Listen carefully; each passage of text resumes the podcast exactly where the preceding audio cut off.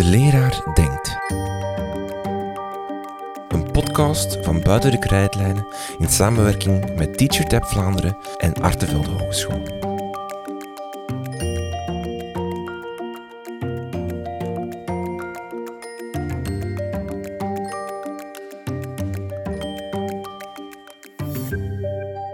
Hallo, ik ben Bert Wienen ehm, en ik werk op plekken waar ik en in de wetenschap en in de praktijk kan werken aan de vraag hoe komen onze afwegingen rondom normaal en afwijken tot stand? En wat betekent vervolgens die afwijking voor, of die afweging voor wat we doen met deze eh, afweging? En vandaag denkt de leraar over zorgnoden in het onderwijs.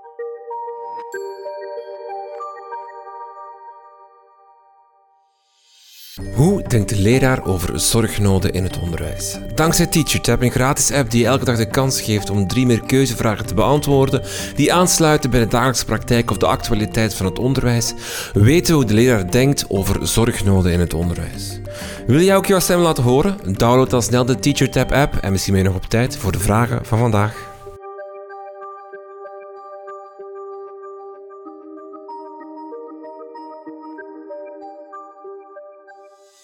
Dag Bert Wiene, welkom in de podcast. Dankjewel. Leerlingen met zorgnoden zijn niet meer wegdenken uit het onderwijs. Een navraag bij de respondenten van TeacherTap toont aan dat niet minder dan 96% les geeft aan een leerling met een leerstoornis. Dus bijna eigenlijk, ja, in elke klas van een respondent van TeacherTap zit iemand met een, met een, een labeltje, met een, een leerstoornis of een bepaalde diagnose. Verrassen die cijfers jou, Bert? Ik, nee, ik denk dat ik ken dan de Nederlandse context goed, dan zien we eigenlijk hetzelfde soort cijfers. En uh, ik denk ook eerlijk gezegd dat het nog wel meer zal gaan worden.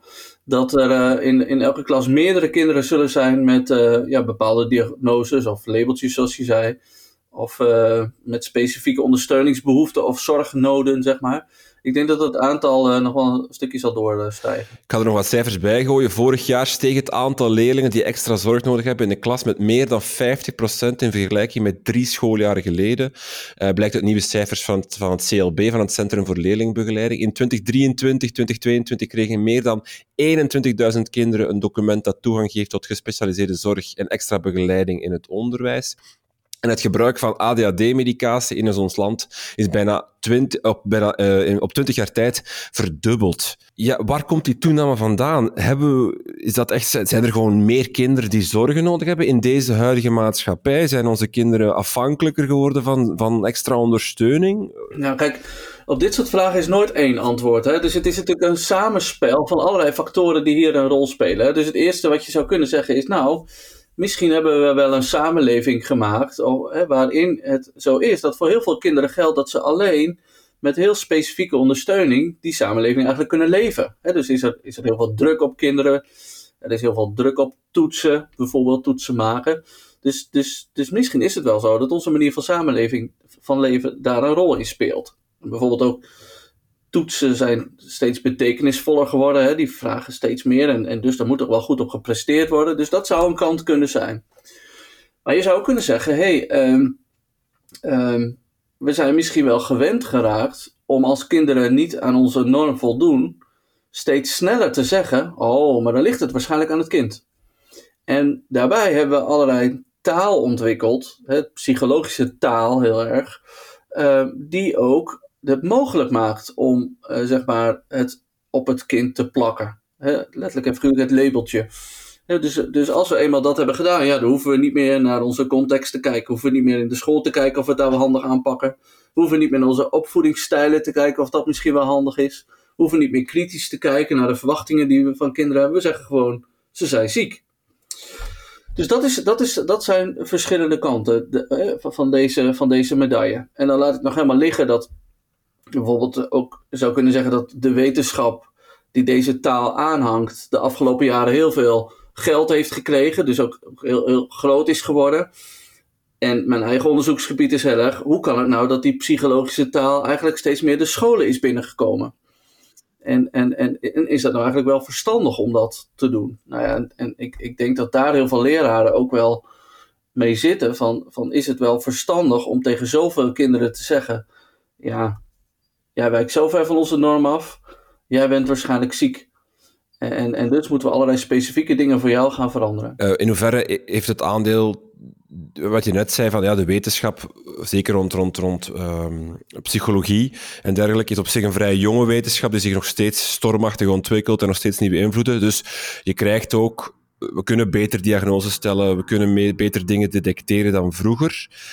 En dus zullen er ook meer, misschien leerlingen die vroeger door het mazen van het net glipten en die geen diagnose kregen, of, of, of gewoon bestempeld werden als bij wijze van spreken een, een wild kind, en nu, krijg, en nu wordt daar een, een, een, krijgt hij wel een diagnose en kan die wel geholpen worden. In hoeverre is het gewoon betere zorgverlening die zorgt voor een toename? Ja, dat, dat, deel zal er ook zijn. Hè? Dus er zal een deel zijn, we, we zijn er eerder bij, we signaleren eerder, we weten beter waar we op moeten letten, en dus zijn er meer. Maar de achterkant van deze medaille is ook dat we ook in de wetenschap met elkaar afspraken hebben gemaakt dat we gewoon steeds meer onder een bepaalde stoornis zijn gaan verstaan. Je komt er gewoon steeds sneller voor in aanmerking. We hebben de, we hebben de criteria daarvoor ook enorm opgerekt. En dan, dan is het vrij logisch dat er meer onder wordt verstaan. En daarbij denk ik dat we ook moeten zeggen dat onder ouders bijvoorbeeld het helemaal uh, het niet zo erg meer als eerder uh, is om te zeggen mijn kind heeft ik noem maar ADHD bijvoorbeeld of iets anders. Hè? Dus het is ook een, een veel gangbaardere oplossing om dat tegen elkaar te zeggen. En we hebben ouders natuurlijk ook steeds meer opgeroepen van, joh, als je denkt dat er wat met je kind aan de hand is, ga dan maar gauw naar, of naar een psycholoog of ergens heen, want dan kan het geholpen worden. De vraag is echter of het zo is. Dat weten we nog niet. Heb je zoiets als uh, reageren naar, naar je labeltje toe. In de zin van als je een kind eh, op, op pakt vierjarige leeftijd bij ons spreken diagnosticeert met ADHD, dat hij dan daarna zich daar ook naar gaat gedragen. Dat je het probleem eigenlijk groter maakt, wat hij zich gaat, ja, gaat zwelgen in zijn ADHD, zal ik maar zeggen. Is dat ook een fenomeen dat, dat kan ontstaan als je veel diagnosticeert? Ja, zeker. En helemaal bij kinderen weten we dat vrij goed. Dat ze zich gaan verhouden naar die diagnose en dat ze zich er ook naar gaan gedragen. Maar niet alleen kinderen. Ook ouders bijvoorbeeld. Als er een diagnose is gesteld, dan denken ouders: ja, maar nu moet er ook iets heel speciaals voor mijn kind komen. Iets heel specifieks. Dan moeten er in de lessen allerlei dingen worden aangepast. Dus dan, en we weten het van leraren uh, en onderwijzend personeel ook. die, die, we weten bijvoorbeeld dat op het moment dat er een diagnose ligt, dat de verwachtingen naar beneden gaan. Of dat we steeds makkelijker zeggen: oh wacht, dan moeten we misschien niet te veel druk opleggen. Of dan moet het maar even iets, iets minder. Dus de verwachtingen gaan omlaag. Dus iedereen in de omgeving reageert op uh, nou, die naam van, de, van, van die diagnostiek of die naam van die, van die label. Zeker. Mhm. Als we vragen aan de respondenten van TeacherTap uh, of, dat ze, uh, of, dat, of dat leerlingen te snel een label krijgen, dan zegt zo'n 54% het daarmee eens te zijn. Bent u het daar ook mee eens? Is er een soort van overlabeling? Ja, ik denk het wel. En dat heeft twee kanten. Ik denk dat het zorgelijk is, omdat we dus steeds meer kinderen vertellen dat ze ziek zijn. En dat steeds meer kinderen en ouders de verwachting hebben dat er dus iets specifieks in het onderwijs zal worden aangepast, specifiek voor dat kind. En aan de andere kant, als we zo druk zijn met al die labels, en dan houden we dan nog wel specifieke zorg. En misschien ook wel speciale vormen van onderwijs of bijzondere vormen van onderwijs over voor kinderen en jongeren die dat vast echt nodig zullen blijven mhm. hebben. Want dat was inderdaad ook iets dat uh, in dit debat speelt, of waar dat, wat sommige experten oproepen van ja, kijk, er wordt um, zoveel labeltjes uitgedeeld, zoveel kinderen krijgen nu extra begeleiding, ondersteuning of zorg nodig worden ingevuld. Dat, dat budget dat op zich er is voor, voor, voor uh, ondersteuning in onderwijs, dat, is, ja, dat, dat gaat niet exponentieel mee. Dat blijft op, op eigenlijk elk jaar hetzelfde. Dus wat krijg je? Dat budget wordt eigenlijk wijder verspreid, waardoor dat de echt zwakste van in onze samenleving, voor degene die echt een, een, een, een serieuze zorgproblematiek is, wat, wat een moeilijk debat is, want ik, ben nu, ik heb het gevoel dat ik, bepaal, dat ik zeg dat sommige kinderen geen zorg nodig hebben, dat daar een, ranking in te maken is, maar dat de echt, degenen die het echt nodig hebben, wel zorg krijgen, maar niet genoeg, omdat dat budget zo opgerekt moet worden om iedereen een stukje van de taart te geven. Ja, dus dat, dat is een groot probleem. Het gaat gewoon over financiën. Hè? Dus het is op langere termijn financieel niet haalbaar. Maar ik denk dat er een veel groter probleem naast ligt. En dat is het probleem wat die leraren terecht aangeven. Wij kunnen niet uh, uh, de uitvoerder zijn van allerlei behandelplannen en van allerlei aanpassingen in de klas. En bovendien, het is niet alleen niet kunnen, dus zeg maar dat het niet haalbaar is, maar het is ook intrinsiek waarschijnlijk niet goed. dus de, de, de, pedagogiek zou bijvoorbeeld veel meer redeneren in van we moeten contexten bouwen waaraan zoveel mogelijk kinderen mee kunnen doen. dus zoveel mogelijk nadenken over onderwijs. Dat er, en daar zitten uh, uh, ook dingen in als juist een tijdje niet aansluiten bij een kind. Of een kind juist niet geven wat het nodig heeft, omdat we denken als pedagogen dat het wel heel verstandig is om dat te doen. Of juist kinderen leren om om te gaan met dingen die ze moeilijk vinden, in plaats van zeggen dat ze ziek zijn. Dus, dus we, we, we knabbelen met deze manier heel erg aan het eigenen van het vak van leraar, van docent.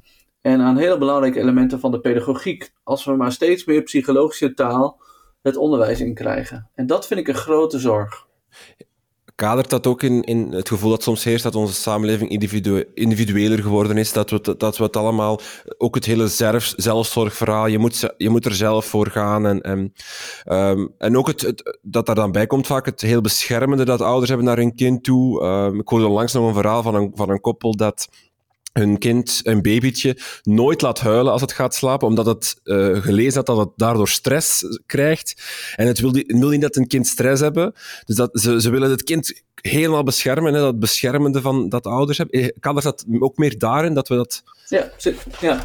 zie je heel sterk terug. Dus, dus zeg maar, dat, en, en, en dan, dan verschillen ouders wel heel erg in van elkaar. Hè? Dus je hebt ouders die, waarvan dit de zorgen zijn en willen voldoen aan allerlei idealen. Maar er zijn ook ouders die gewoon helemaal geen verwachtingen meer hebben van hun kinderen. Dus die, die kant. Maar het valt mij bijvoorbeeld in onderzoeken op. We doen onderzoeken uh, aan uh, zeg maar tafels waar dan, waar dan leraren zijn. En dan worden kinderen besproken. En er zitten allerlei hulpverleners aan tafel. En wat je heel vaak ziet is op het moment dat een kind in dit soort termen wordt beschreven. Dus het is een ADHD'er of een ASS'er of ga maar, eh, maakt niet uit wat. Dat dan een van de eerste reacties is weerstand wegnemen. De verwachtingen omlaag. Dus we, moeten oppassen dat hij niet extra gekwetst wordt. Of we moeten oppassen dat hij niet. Uh, of uh, doe jij maar zo'n koptelefoon op, dan heb je geen last van prikkels of weerstand wegnemen. En dat is nou echt zo'n psychologische notie. De pedagogiek zou veel eerder zeggen: weerstand wegnemen. Ja, dat is helemaal niet verstandig. Dat moet je eigenlijk nooit doen. Je, je moet kijken in die zone van de naaste ontwikkeling hoe je juist de weerstand hoog houdt. En hoe je de verwachtingen hoog houdt, juist als je zorg hebt. Maar we zien die psychologische taal dat die verwachtingen alleen maar verder naar beneden gaan. En dat er steeds meer wordt aangepast om het individu. En het individu dus ook leert, ja, als ik deze psychologische taal gebruik, ja, dan, wordt dan wordt ook alles om mij heen aangepast. Ja, en dat is denk ik slecht voor het onderwijs. En ook uh, op termijn denk ik ook niet goed voor kinderen. Hm. Die, uh, het labeltje geeft, is eigenlijk een soort van, wordt heel vaak gebruikt als een soort van toegangsticket om gemakkelijker dingen, om het je gemakkelijker te maken, zal ik maar zeggen. Wat op zich, um, ja, ervoor zorgt dat je inderdaad dingen wegneemt van een kind. Van. Je gaat ze minder uitdaging geven of minder, minder terwijl je zou kunnen zeggen, ja, als je autisme hebt of ADHD hebt, ja, dan wordt het al super moeilijk voor jou om, of dan zal het moeilijk zijn voor jou om jou te concentreren of, of, of aandachtig te werken. Het is niet dat we dan dat moeten wegnemen, die, die mogelijkheid voor jou, maar we moeten jou net daar misschien zelfs extra in begeleiden en helpen en, en daar naartoe brengen, zodat je dat wel doet. Ja. ja, en wat we heel goed moeten onthouden is dat je moet je voorstellen, die, zo, zo'n, zo'n, uh, we gebruiken dan nu ADHD omdat iedereen daar wel beelden bij heeft. Hè? Het geldt natuurlijk voor heel veel psychiatrische stoornissen. Dat zijn afspraken tussen wetenschappers.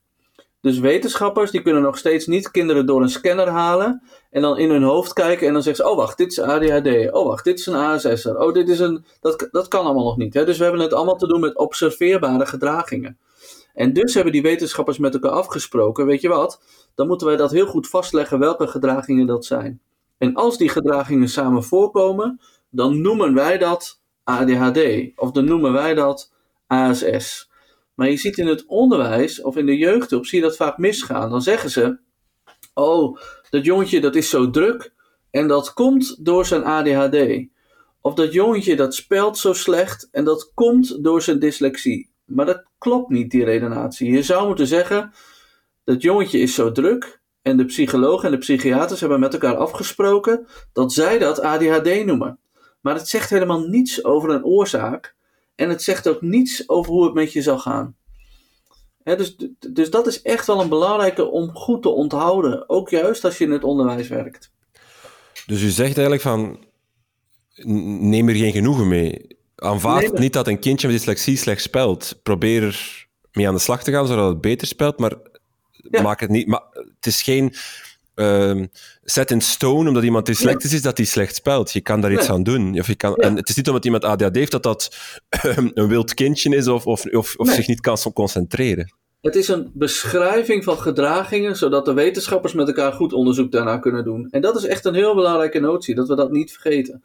Want dat biedt ruimte om bijvoorbeeld in het onderwijs ook te zeggen: ja, maar wij gebruiken die taal van die psychologen bijna niet. Wij gebruiken onze eigen pedagogische taal als het gaat over kinderen en jongeren. En in de pedagogiek zijn we veel minder gewend om in termen van, van diagnostiek en van, van labels te spreken. Daar blijven we eigenlijk een beetje vandaan. Ons vraagstuk is: hoe kunnen we alle kinderen echt zien? En binnen die relatie zorgen dat we de verwachtingen hoog houden. Dat is voor ons het allerbelangrijkste wat er is als het gaat om uh, lesgeven. U zei daarnet helemaal in het begin van ja, je kan twee redenen voor die overlabing of die, overdia of, of die toename in, eh, ja. die toename in die labels, dat zo omschrijven. Uh, enerzijds uh, wat, u daarnet, wat u net zei, van, ja, maar het kan ook zijn, en dat zeggen sommige experten ook, het is misschien wel een sign of the times. Misschien zijn die labels wel een manier om te zeggen dat steeds minder mensen erin slagen een plekje te vinden in ons huidige systeem. Um, in hoeverre is dat, vindt u dat een, een valide reden? Van ja, die, die labels die zijn er wel om een reden? Ja, zeker. Dus kijk, vanuit het perspectief van ouders of van leraren snap ik het wel. Dat je in dit systeem zegt, ja, hier komen we zo niet uit, dus ik heb meer nodig. Dus, dus dan maar een label voor mijn kind, want dan krijg ik wel meer tijd voor de examens of dan krijg ik wel een toegangsbewijs. Dus ik begrijp die redenaties wel. De vraag is alleen of je dat nou verstandig vindt. Vind je het goed om als het niet wil met een leerling, om dan te zeggen, ja, dan ligt het gewoon aan die leerling. Die leerling is gewoon ziek. Of zou je moeten zeggen, laten we eens heel goed kijken naar ons systeem wat we hebben gebouwd, of dat nog wel voldoet. Moeten we daar niet naar kijken? En moeten we niet met andere redenaties naar die kinderen gaan kijken, in plaats van die labels uh, te gebruiken? En, en, het feit, en de stelling dat, het, dat de maatschappij zo veranderd is, waardoor er meer kinderen labels nodig hebben, of daar naar vragen of, of daar naar gezocht worden, hoe ver gaat u daarin mee? Dat, en dat we dus eigenlijk, het antwoord daar dan op is, ja, de maatschappij moet zich we moeten onze maatschappij anders invullen of vormgeven, want blijkbaar zijn er zoveel signalen dat leerlingen een, een, een, bepaald, label krijgen dat er toch iets niet klopt. Ja, ja dus, maar dit zitten, daar zitten dus ook twee kanten aan. Aan de ene kant inderdaad denk ik dat. Hè? Dus, dus we moeten kritisch zijn in onze maatschappij, waarin het gaat over individueel, waarin het gaat over een red race, waarin mensen tegen elkaar worden opgezet op jonge leeftijd. Daar moeten we allemaal naar kijken, dat is denk ik echt belangrijk. Maar het tweede is onderdeel van die ontwikkeling is ook dat de, de, de, de, de psychologische wetenschap, psychologische taal, daarin een steeds grotere rol is gaan spelen. En dus dat we steeds sneller ook tegen kinderen zeggen van ja, als jij van onze normen afwijkt, dan zal jij wel ziek zijn. Dus, dus we hebben ook zeg maar actief in die ontwikkeling andere taal toegevoegd. Kijk maar op social media bijvoorbeeld, hoe uh, uh, kinderen nu op social media spreken over zichzelf. Daarin is het heel normaal om in psychologische taal daarover te spreken. I'm so depressed. En dat soort, je hoeft maar even te kijken en dan zie je dat de hele, hele tijd terug. Of uh, we maken ons zorgen over de mentale weerbaarheid van kinderen. Het gaat heel erg over mentaal, psychologische taal. En dat zorgt er natuurlijk voor dat dat, dat, dat verklaringskader steeds dichterbij komt te liggen. En dat we steeds meer met de ogen van de psycholoog naar kinderen en naar afwijking zijn gaan kijken. En dat er dan dus ook altijd logische, psychologische oplossingen worden gekozen. En die zijn altijd gericht op individuen, op specifieke plannen, op het aanpassen, het uh, weerstand wegnemen. Ja, dat, dat, dat is de logica geworden. En, en, het, en het groot probleem lijkt me dan dat die psychologische taal zorgt voor een berusting van wat je hebt. Je bent ziek, het is zo, ja, we gaan, er, eh, we gaan maatregelen nemen zodat je ermee kan leven, zullen we maar zeggen. Of dat je, er toch, dat je toch door het onderwijs geraakt. Maar niet dat, dat, we, dat, dat je erin beter wordt eigenlijk. Of dat je, iets, dat je ermee kan omgaan. Zeker. Ja, en, dat, en het risico van die taal is dat we, de, dat we een leraar steeds meer, meer zien als een soort mini-psycholoog die verantwoordelijk is om al die individuele plannetjes te gaan uitvoeren. En in zo normaal, maar dat is hij natuurlijk niet. Zo iemand is opgeleid als didacticus of als pedagoog. En, en, en, en die heeft dus ook een ander idee over wat goed is voor kinderen. Nou, dat zullen we denk ik echt serieus moeten nemen, dat signaal. Als we willen werken aan meer inclusie. Is, ik, ik denk nu net op, aan, een eh, oudercontact dat ik had, met, met, een gesprek met ouders, waarin ik zei tegen de ouders, ja, je, je, jullie zoon of dochter maakt echt heel veel um, ja, voor de hand liggende spelfouten. En heb je maar eens laten testen op dyslexie? Dat is eigenlijk een beetje wat jij vertelt, de, de, de, wat er gebeurt dan. Hè? Je gaat dan in plaats van zeggen van we moeten meer oefenen op spelling, ga je zeggen misschien heeft hij wel dyslexie, want hij schrijft echt wel ramen met twee A's. Dat is wel heel raar in tweede middelbaar. Ja, ja. ja. Ja, dat. Dus uh, heel vaak zien we als eerste reden zien we, zien we een psychologische reden. Wat ik altijd doe als ik bijvoorbeeld op scholen ben en er wordt in dit soort taal gesproken, dan zeg ik: Oké, we werken altijd met vijf hypotheses. Nooit met eentje. Dus als er iets niet wil met de leerling, of hij valt een beetje op ten opzichte van de andere, dan gaan we zitten en zeggen: Oké, misschien is het dyslexie. Dat zou de eerste reden kunnen zijn. Maar we gaan niet deze kamer uit voordat we nog vijf andere redenen hebben bedacht. En als je met ouders samen bent, niet vijf, maar zeven. Zodat je altijd breder blijft kijken, jezelf ook dwingt om breder te blijven kijken, dan uiteindelijk te zeggen, nou ja, dan ligt het gewoon aan het kind. Het kind is gewoon ziek, heeft gewoon dyslexie. En het vervolgens ook als een slachtoffer van die ziekte te gaan behandelen. Mm ja, de oplossingen van, van de toename van, van de, de zorgnood in onderwijs, daar even naartoe. Um, een stelling die voorgeschoteld werd aan de respondenten van TeacherTap is, ja, een schoolteam moet een multidisciplinair team zijn. Dus uit veel meer bestaan dan enkele leraren. Um, een hele grote meerderheid was het daar mee eens. 27% zegt helemaal mee eens, 46% is daar mee eens. Hoe kijkt u daarnaar? Moeten we, moet een schoolteam dan diverser zijn om, om te kunnen inspelen op al die zorgnoden?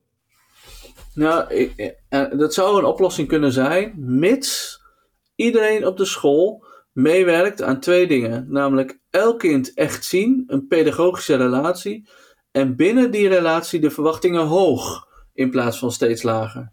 Kijk, het is mijn ervaring ook op, op scholen waarin dit, dit niet duidelijk is en er met allerlei multidisciplinaire teams wordt gewerkt, dan wordt het alleen maar erger. En dan, gaan de, dan gaat dus een psycholoog in die klas zitten kijken en zeggen: Oh ja, maar die, die heeft waarschijnlijk dit en die heeft waarschijnlijk dat. En leraar, dat betekent dat jij dit moet doen en dat moet doen en zus moet dat. Dan heeft het niet zoveel zin.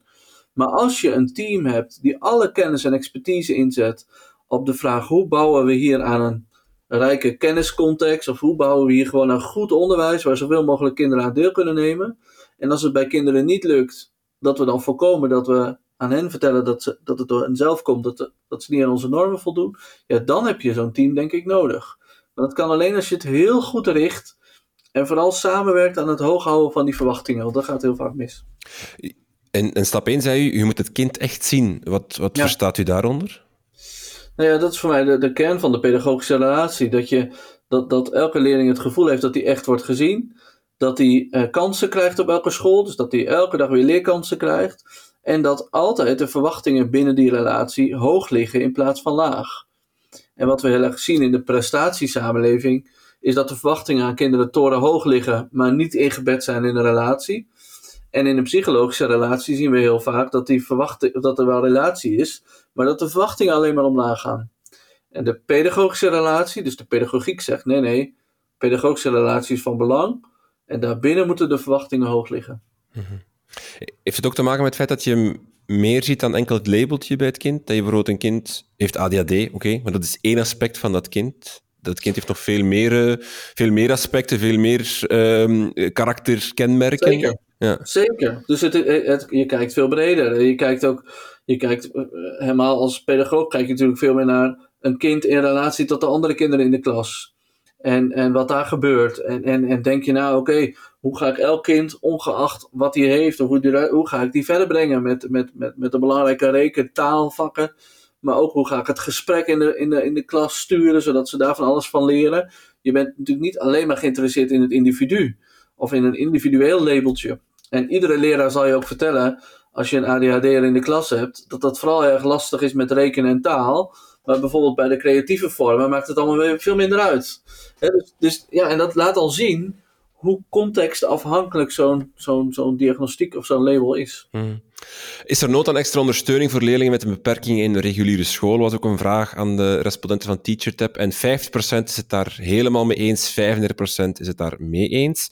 Um, ik heb daar twee bedenkingen bij. Bedenking 1 is, dat, dat lijkt me een, een, een eh, eindeloze straat te zijn, want ik denk dat je altijd meer ondersteuning gaat willen. Eh, dat, op een duur heb je ook ondersteuning nodig voor, voor de, allee, dat, dat, is, dat lijkt me echt een heel moeilijk...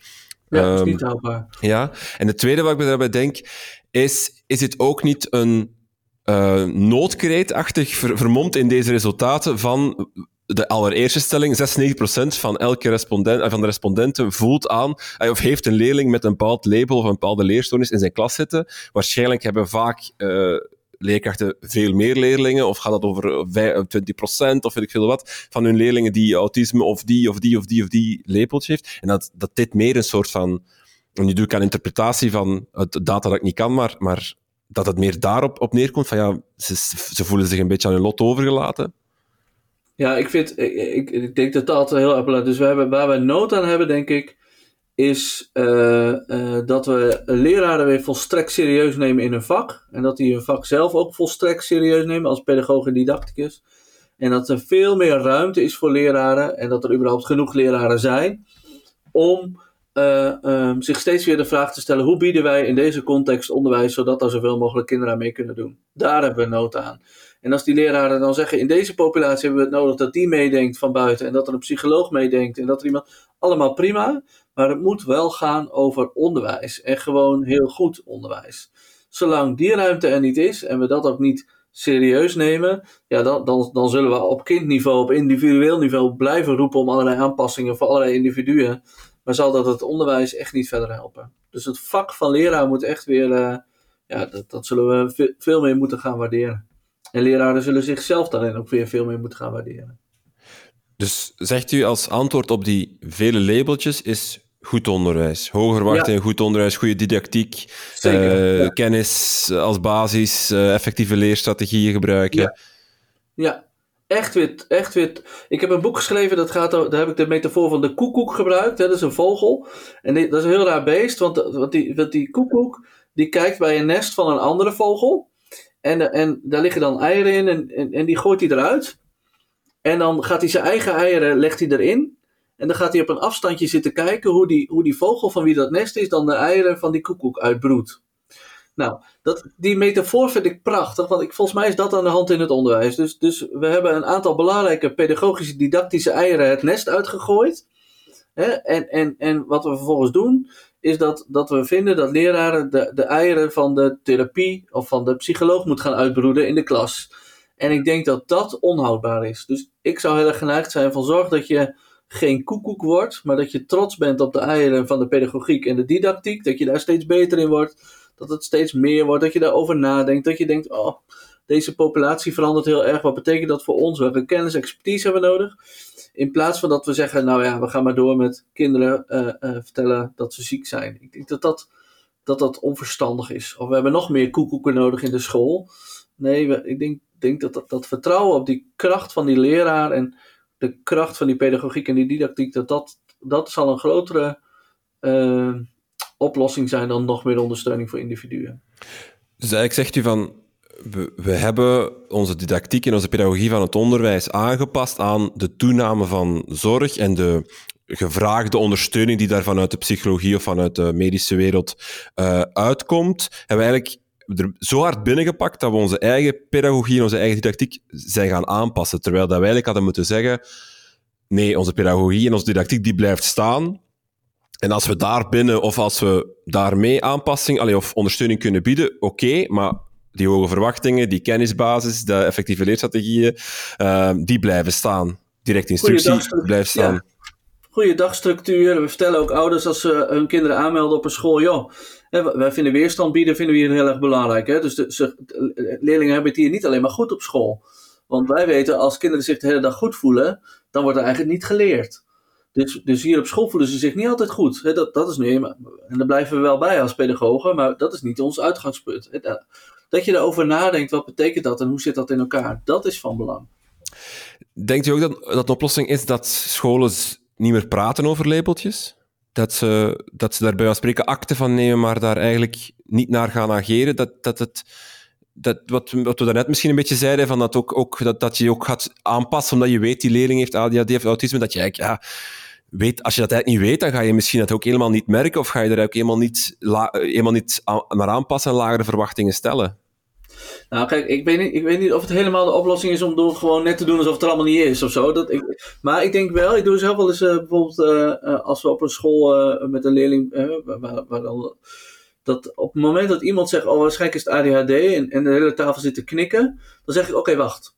We pakken een papiertje en iedereen schrijft nu precies op wat hij bedoelt.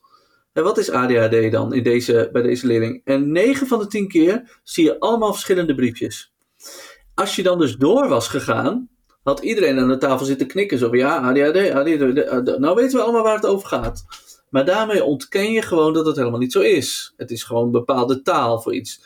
En in die zin zou ik dus zeggen: zorg dat je niet die taal gebruikt, maar zorg dat je altijd taal gebruikt die gedrag in een bepaalde context zet. In een klassencontext of in een context waarin een bepaald vak wordt gegeven. Zorg dat je dat veel meer doet. En dat geldt dus ook voor mensen van buiten de school die in de school komen helpen bij een leerling. Dat je zegt, nou je mag hier wel komen helpen, maar we zijn hier niet zo geïnteresseerd in wat kinderen hebben of zo. We hebben niet, maar we zijn vooral geïnteresseerd hoe kunnen wij onze context aanpassen zodat hij weer mee kan doen.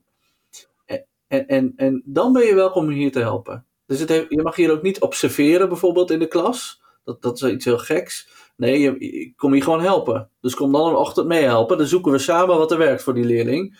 Maar ik zit niet te wachten op een observatie en dan over een poosje krijg ik een rapport wat er aan de hand is. Nee, nee dat werkt niet. Dan snap je de context niet. Het dus dat je ook veel kritischer bent als school wat je van deze mensen verwacht. Ja.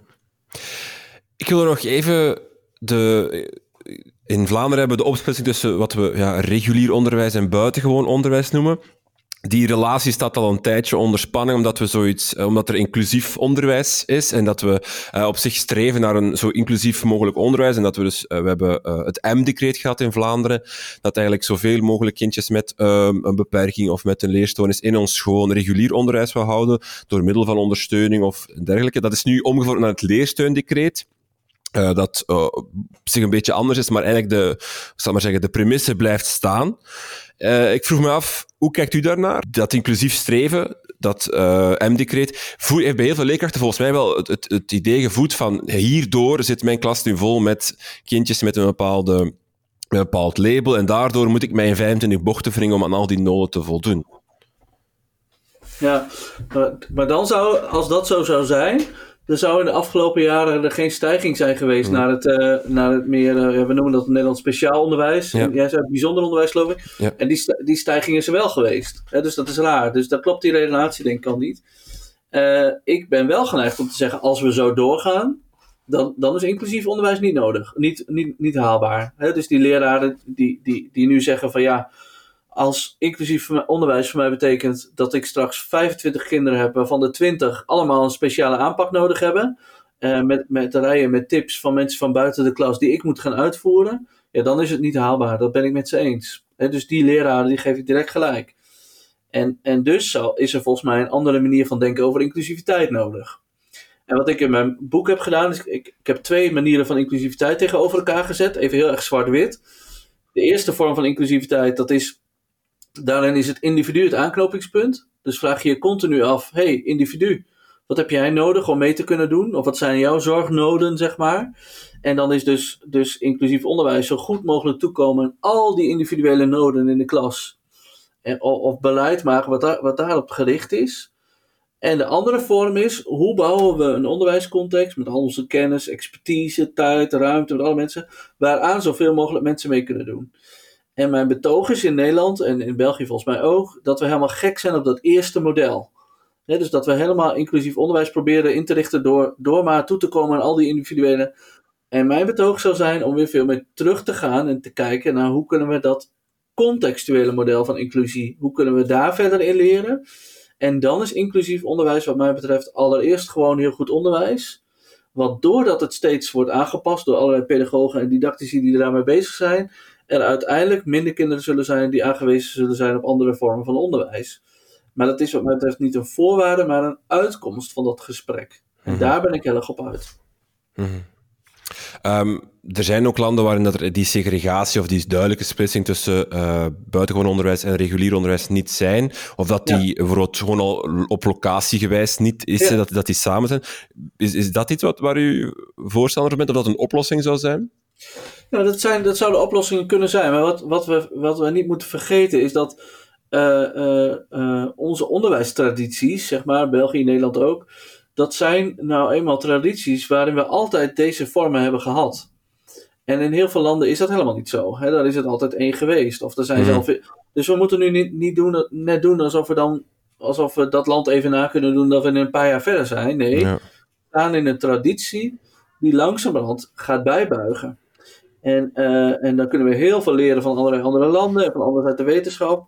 Maar uh, we zullen wel kritisch steeds weer moeten kijken wat betekent dat voor onze onderwijscontext en hoe kunnen wij stapje voor stapje inclusiever uh, worden en streven naar die inclusie. Mm, Oké. Okay. Uh, Bertwine, heel veel dank. Ik zet een link naar jouw boek in de show notes van deze podcast, want ik denk dat het een zeer interessante leesvoer is. Heel veel dank voor dit gesprek. Ja, graag gedaan. Dankjewel.